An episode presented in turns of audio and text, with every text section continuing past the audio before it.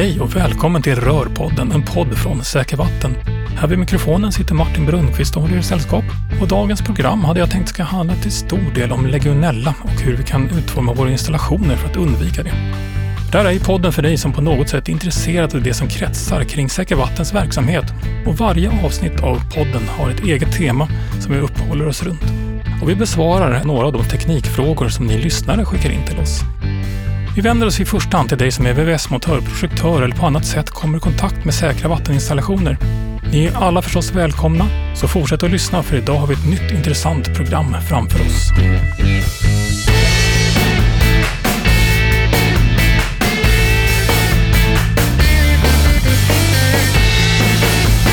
Branschregler säker vatteninstallation handlar som de flesta av er vet till stor del om att förebygga vattenläckage. Men en inte oviktig del handlar också om skydd mot personskador och till exempel att minska risken för bakteriell tillväxt, vilket då ofta handlar om legionella. Hur ska man då göra för att utforma rörinstallationer för att de inte ska ge upphov till legionellatillväxt? Till min hjälp för att reda ut det här så har jag med mig två kunniga gäster på området. Caroline Schönning på Folkhälsomyndigheten och Roland Jonsson från konsultföretaget VSP. Välkomna hit! Tackar! Tack så mycket! Caroline, på vilket sätt jobbar Folkhälsomyndigheten med legionellafrågor? Ja, vi jobbar på eh, några olika sätt med legionellafrågor.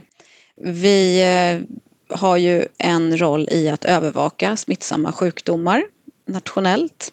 Så legionella är en av de 60-tal anmälningspliktiga sjukdomar där vi följer antalet fall som rapporteras in från eh, ja, regionerna då, läkare runt om i landet.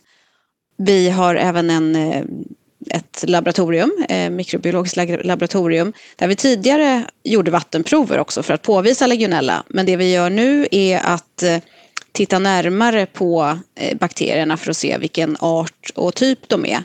Både som en övervakning och också i samband med smittspårningar. Där man behöver titta både på bakterien från patienten och bakterien från, eh, från vattnet, då, från miljön. Sen kan man väl säga att vi har en eh, eh, generell roll i att vi, vi bidrar med kunskap när vi kan. Vi har en eh, kunskapssammanställning på vår webbplats. Och så har vi en viktig roll i att vi tillsynsvägleder kommunerna i hantering av objektburen smitta. Och där legionella kan man säga är en av de vanligaste objektburna smittorna som regleras enligt miljöbalken. Då. Mm. Ja, och din kunskap är ju därför du är här idag. Roland, eh, du är i branschen, i VVS-branschen, ett ganska välbekant namn och du förekommer som energiexpert i en del branschtidningar. Du arbetar som kursledare, så du träffar ju många här ute i verkligheten. Eh, på vilket sätt har du kommit i kontakt med och jobbat med legionella frågor? Ja, när det började är det svårt att säga, men eh, när man gick i rörplugget så var väl, det var väl egentligen innan det här med, eh, med Pontiac-febern dök upp. Så att, det var inte så mycket diskussion om eh, det här egentligen, utan man kanske hörde någonting om det här med Pontiac. Det var väl närmaste bilmärke man kunde komma och det var därför man kanske lyssnade. Då. Och det, man säger, det stora intresset, eller när man liksom började få upp ögonen för det här, det var ju då när jag började jobba på en tysk tillverkare av värmeutrustningar och då var jag nere då, eh, nästan två månader på utbildning. Och eh, då var man då på, liksom, på labbet och användningsteknik och ja, gick in en del kurser. Och då var det ju väldigt mycket diskussion om legionella. Och eh, då jämför man liksom vad man hade med sig i bagaget så var det, då, det här en helt ny del. Då var det mycket diskussion om det här med temperaturer, hur man ska utforma varmvattenberedarna för att undvika legionella. Och det verkar jobbas väldigt mycket med legionella. Och sen då när man kom tillbaks hem så började man tänka så här, okej, okay, hur ser det ut på de svenska eh, produkterna då?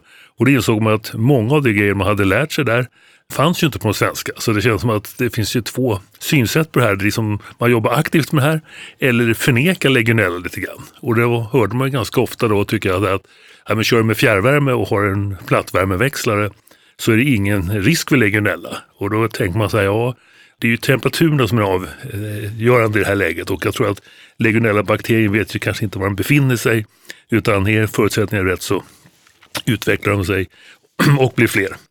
Och det här är också någonting som jag kör ganska mycket nu när jag kör utbildar bland annat VVS-ingenjörer på yrkeshögskolor.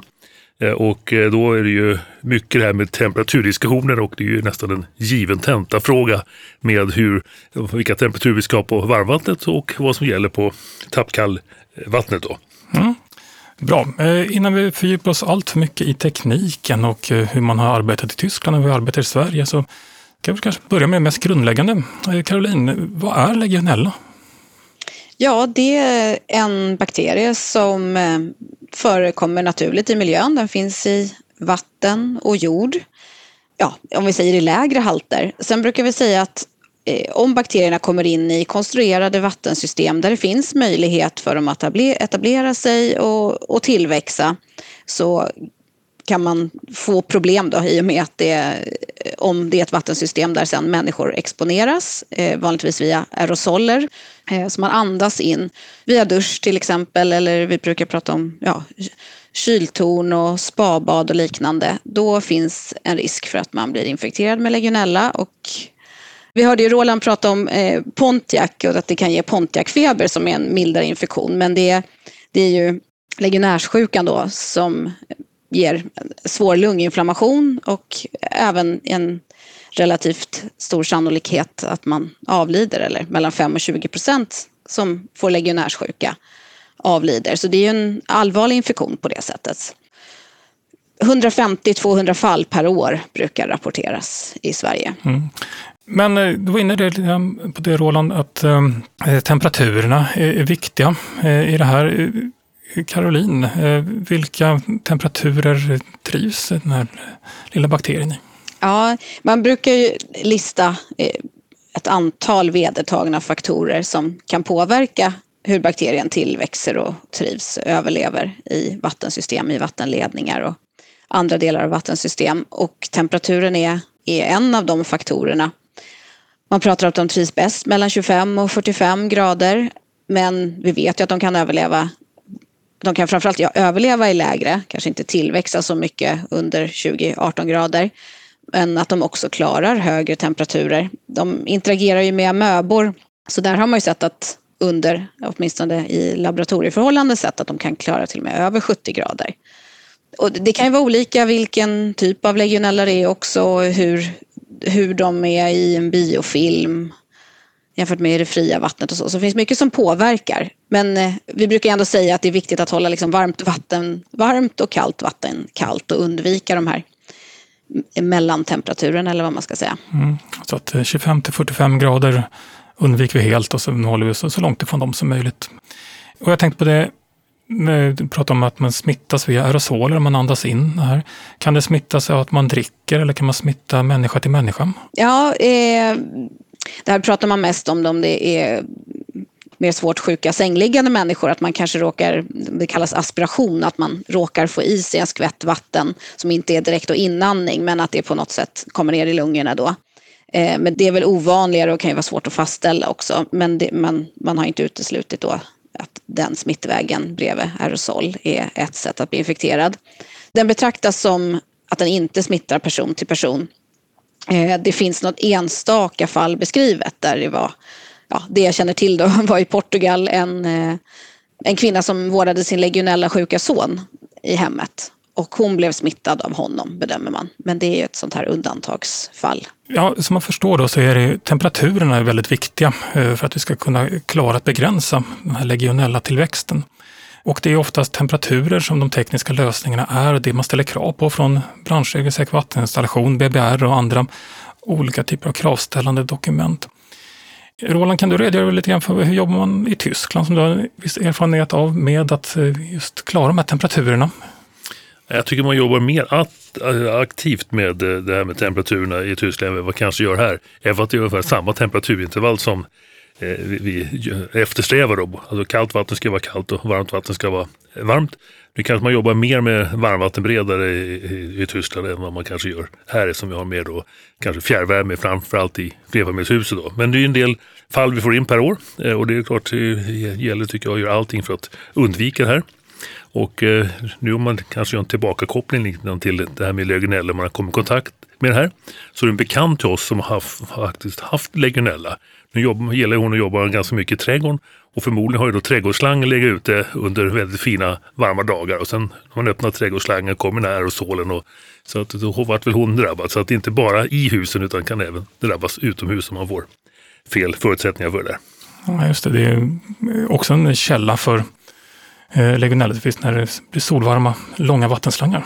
Och där är det också intressant att själva jorden kan vara en orsak till smitta. Det får vi in ett antal fall per år. Det är väldigt svårt att eh, visa vad som är smittkälla men man vet att det finns vissa arter som är mer kopplade till jord än vatten. Eh, sen är det väldigt svårt att liksom, ja, hitta bakterierna. Man kan hitta massor av legionella i jord men det kan vara svårt att visa att det är just så smittan har gått till.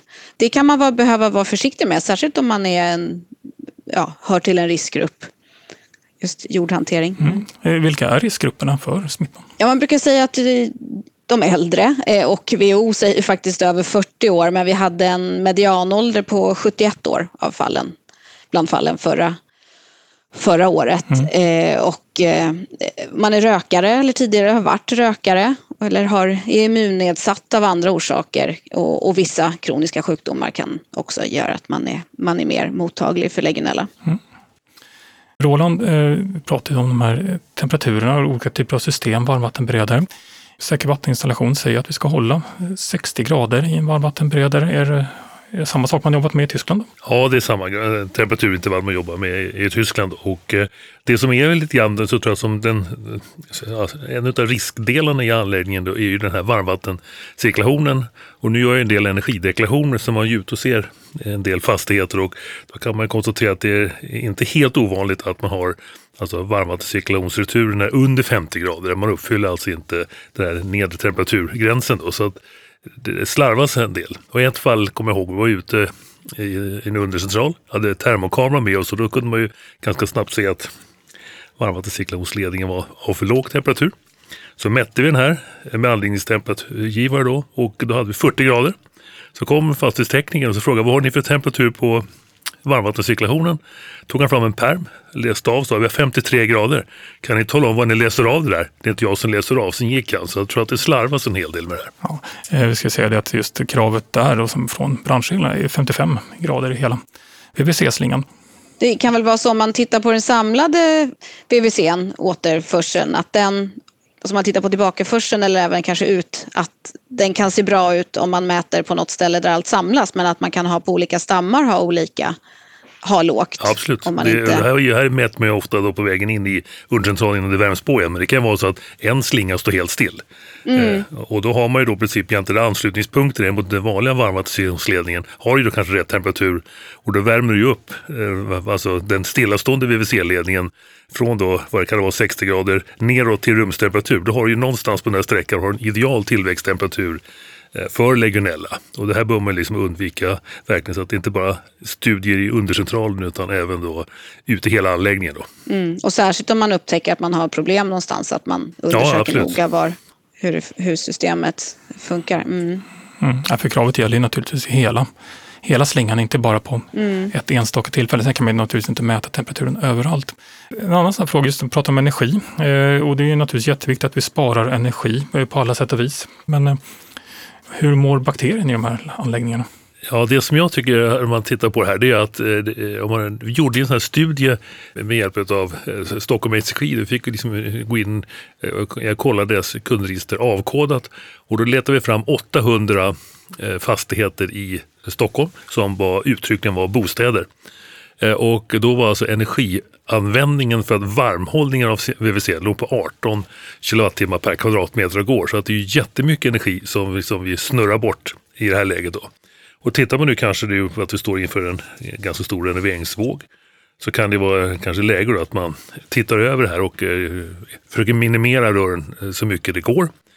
Och eh, en sak som har varit lite populärt och kanske liksom 90-tal och sådär det var ju då att om du renoverade badrummet och eh, ena var ju då att du satte upp kakel ända högst upp på hela väggen.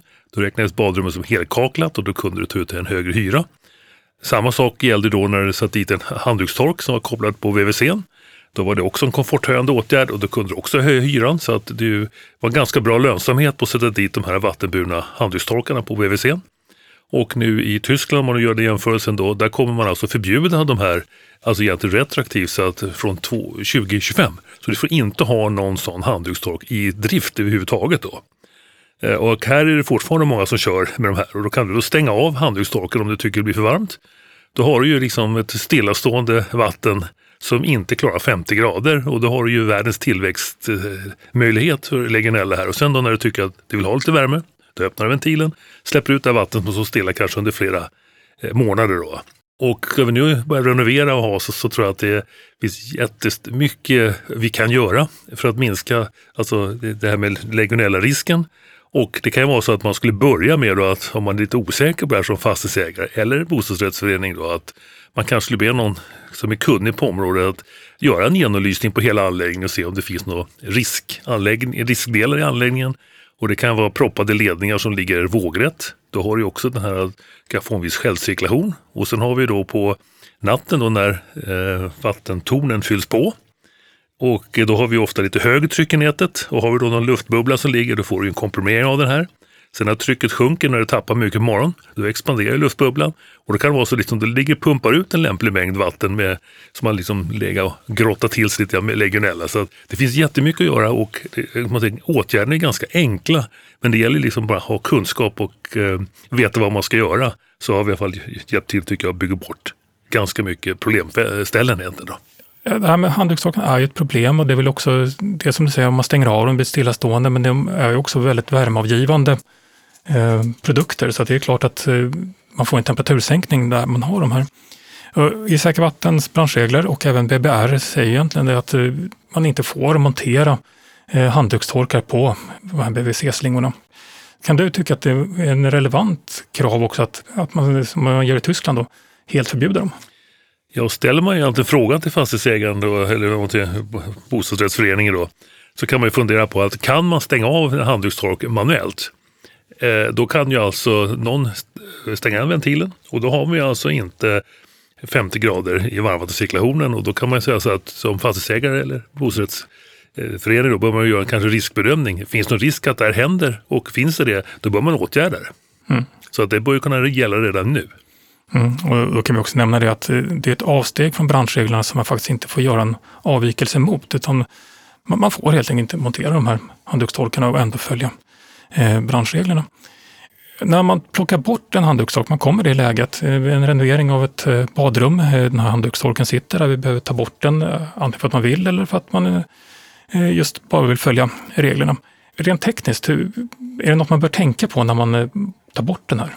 Ja, man kan väl följa branschreglerna. Det är ju naturligtvis de här där vi har avstick. Alltså det ska vara, avsticket får inte vara för långt.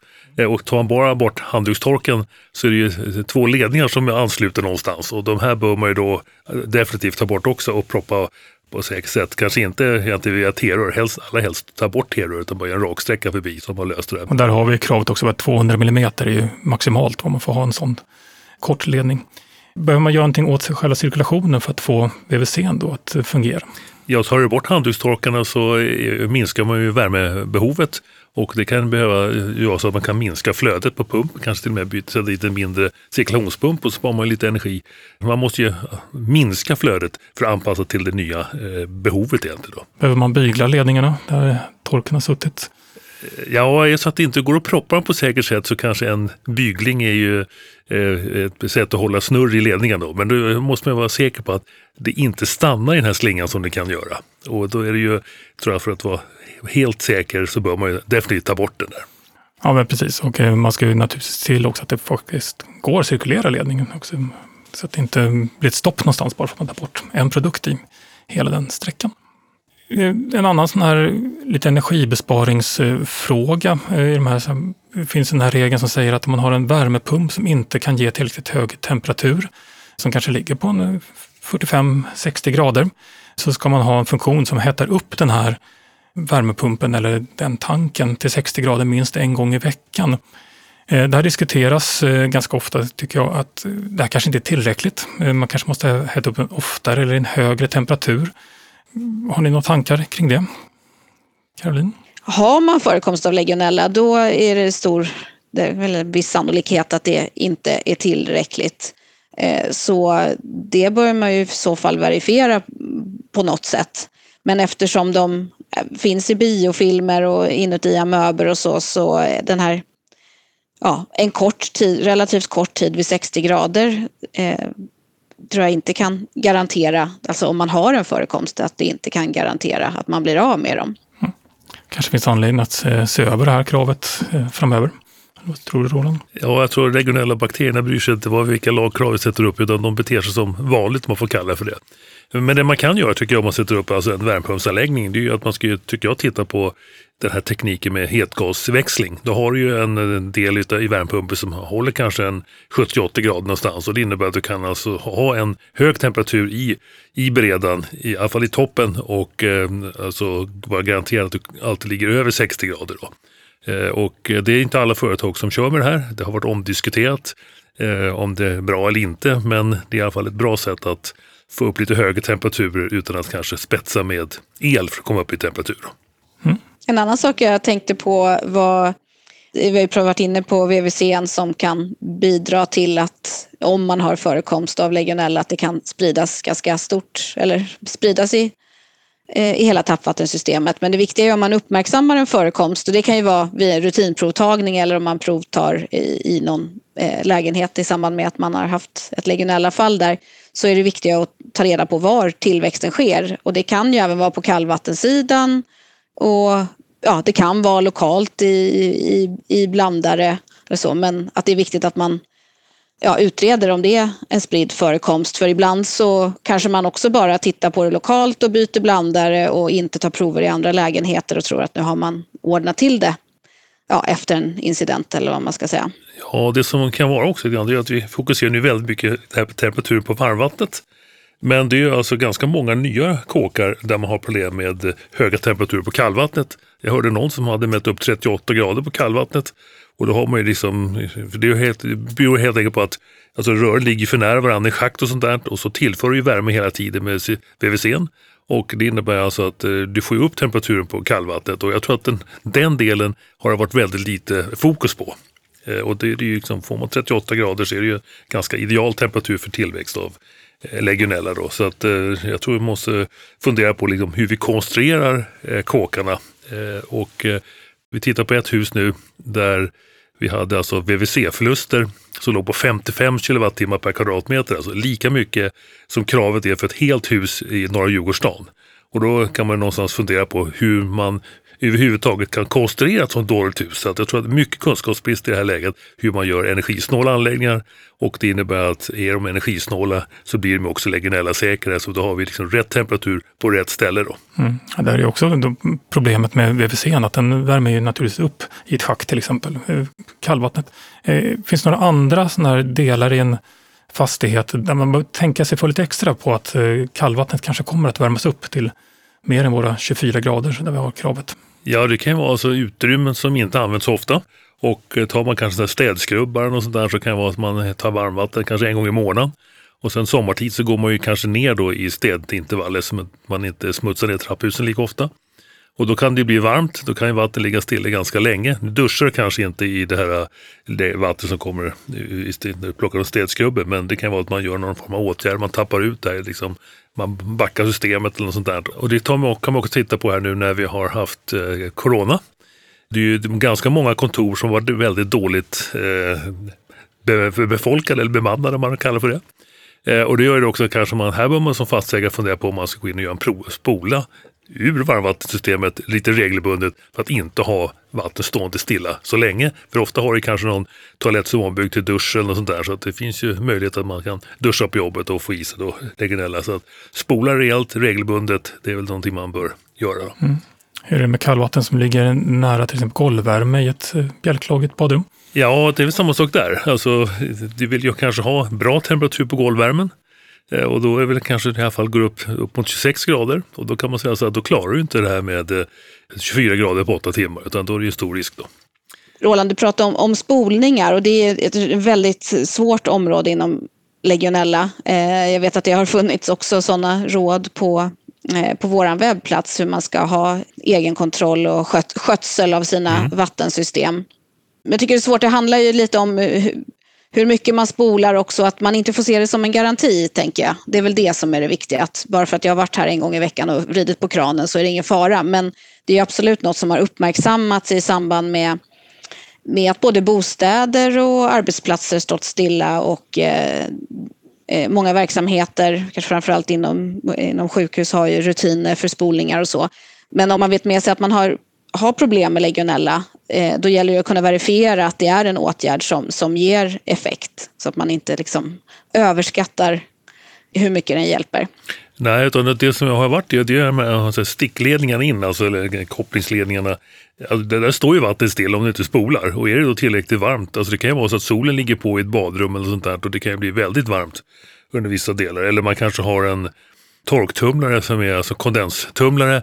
Den värmer ju upp badrummet ganska rejält när den här torkar och då har man ju också i det här läget att man kan ju få upp högre temperaturer på kallvattenledningarna än önskvärt. Då. Och det är liksom frågan hur den här står. Det kan vara att den till och med blåser in varma luft på kallvattenledningen och då har man ju också, tycker jag, byggt in en del risker i det här läget. Så att eh, mycket av det här bygger på man kan, konstruktionsläget och även då tycker jag när kanske folk är ute och jobbar i anläggningen att man kan se man sånt här så kan man påtala det där så att jag tror att man kan nog inte utbilda för mycket i det här läget så att vi ska undvika legionella men desto högre kunskapen blir desto säkrare kan vi ju bygga våra system helt enkelt. Om man nu misstänker eller att man bekräftar att man får ett fall av legionärssjukan vad ska man vidta för åtgärder om man är fastighetsägare? Ja, det, är ju, det kommer ju bli en dialog med kommunens eh, miljökontor. De är ansvariga för liksom, den miljörelaterade utredningen eh, i en smittspårning och de i sin, det blir i sin tur ett samarbete med ja, med smittskyddsenheten i regionen. Så kommunen och smittskyddsenheten samarbetar kring själva utredningen och eh, ja, förhoppningsvis får vi bakterier till oss på Folkhälsomyndigheten så vi kan utreda eh, vidare kring den misstänkta smittkällan. Men sen blir det ju ofta en dialog och eventuellt föreläggande från kommunen till fastighetsägaren hur man ska både följa upp. jag tror ofta behöver fastighetsägaren hjälp av eh, kunnig expertis för både felsökning och eh, för att se hur förekomsten ser ut. Och då är det viktigt att komma ihåg att ett, det kan variera ganska snabbt halten eh, i ett system så att ett stickprov kanske inte alltid säger så mycket. Och som vi sa, utreda om det är på varmvattensidan eller kallvattensidan man har problem. Och sen eh, om det behöver göras åtgärder för att ja, försöka i möjligaste mån bli av med legionella då, då vet vi ändå att många tar till hedvattenspolning men den har sina brister. Det finns eh, många studier och händelser som har visat att legionellan kommer tillbaka, ibland även i, i högre halter. Så det måste man liksom följa upp noga och då kanske det krävs kemisk desinfektion och då behöver man ju expertis som kan hjälpa till med det. Och sen har man haft legionella, är det, det kan vara svårt att bli av med så att man fortsätter ha en bra egenkontroll med rutinprovtagning för att se att man inte får ökad förekomst med risk för fler fall. Då. Då har det blivit dags att avsluta det här samtalet om legionella. Vi kan väl konstatera att eh, legionellafrågan är lite komplex och svår och eh, det finns mycket information som man behöver ta till sig. Och mycket mer information finns det att hämta på legionellaportalen stoppalegionella.se.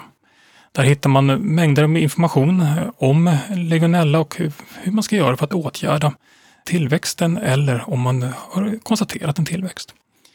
Det eh, finns även ett, några program från Utbildningsradion på urplay.se med föredrag från den stora legionelladagen. Där kommer man också kunna se ett inslag om just vad som händer när man får kallvatteninstallationer i ett bjälklag under ett värmegolv och vilka avstånd och isolering man kan behöva för att undvika att värma upp kallvattnet allt för mycket. Eh, jag tackar Caroline Schönning från Folkhälsomyndigheten och Roland Jonsson från VSP. Tack för att ni ville vara med i Rörpodden. Tackar. Tackar. Då har det blivit dags att svara på några av alla de frågor som ni har skickat in till oss. Om du har en fråga som du vill att vi tar upp här i Rörpodden så skicka den till info.sakervatten.se. Naturligtvis svarar vi på alla frågor som vi får, men eh, om du vill att vi särskilt tar upp de här i podden så skriv gärna det. Och dagens första fråga, den kommer från Lasse. Jag ska installera en köksblandare i ett diskbänkskåp som saknar vattentätt underlag. Behöver jag då sätta in ett sådant underlag? Ja, de här vattentäta underlagen i diskbänkskåpen, det är ett krav som kommer från Boverkets byggregler och egentligen inte ett krav enligt branschreglerna säker vatteninstallation. Eh, de ska finnas där, men det är inte direkt avhängt på att det är just VVS-montören som gör det. Så att om du kommer dit och säger att det saknas, då ska du meddela din beställare om att det ska vara ett underlag där helt enkelt. Sen är det upp till beställaren själv att avgöra vem och hur det där underlaget kommer dit. Så att det är inte en avvikelse mot branschreglerna att det saknas ett underlag i diskbänkskåpet. Nästa fråga den kommer från Jenny. Jag vill ha en golvstående blandare till mitt badkar, men min rörmokare säger att det inte är tillåtet. Stämmer det? Ja, det här med golvstående blandare är ingenting som Säker Vattens branschregler säger att man inte får ha i sig. Däremot så får man inte ha rörgenomföringar genom golv i ett badrum. Och vilket gör att då kan det vara svårt att ansluta den här golvstående blandaren. Men har man en lösning där man kan komma ut med rören från vägg och sen fram till blandaren och upp i den, då är det helt okej okay, enligt branschreglerna. Men så fort man får en rörgenomföring genom golvet, då blir det en avvikelse. Och sen har vi en fråga från Simon. Ja, men jag undrar om jag kan sätta en fördelare ovanför undertaket i ett badrum. Och i så fall behöver jag då ett fördelarskåp. Ja visst, det går alldeles utmärkt att placera en fördelare ovanför undertaket i ett badrum. Eh, man behöver inte ha ett fördelarskåp, det är en lösning på det här, men det kan också räcka med att man har antingen ett demonterbart eh, undertak, ett så kallat plocktak, eller att man under fördelaren har en lucka som inte är vattentät utan den är dränerande. Så att får man ett droppläckage som droppar ner på luckan, då ska läckaget synas ner i utrymmet under. Då är det dags för mig att avsluta det här avsnittet. Om ni har några frågor och kommentarer, ris och ros, är ni hjärtligt välkomna att höra av er på info.sakervatten.se. Ni hittar även en del andra kontaktuppgifter på www.sakervatten.se. Och medan vår gitarrist gör sig redo att slå an slutackorden så vill jag påminna om att lyssna på de andra avsnitten av Rörpodden. Och jag vill också tipsa om att lyssna på Installatörspodden från Installatörsföretagen och Kakelpodden från Byggkeramikrådet. Vi finns alla där poddar finns. Men kom ihåg, rör det rör, då rör det oss.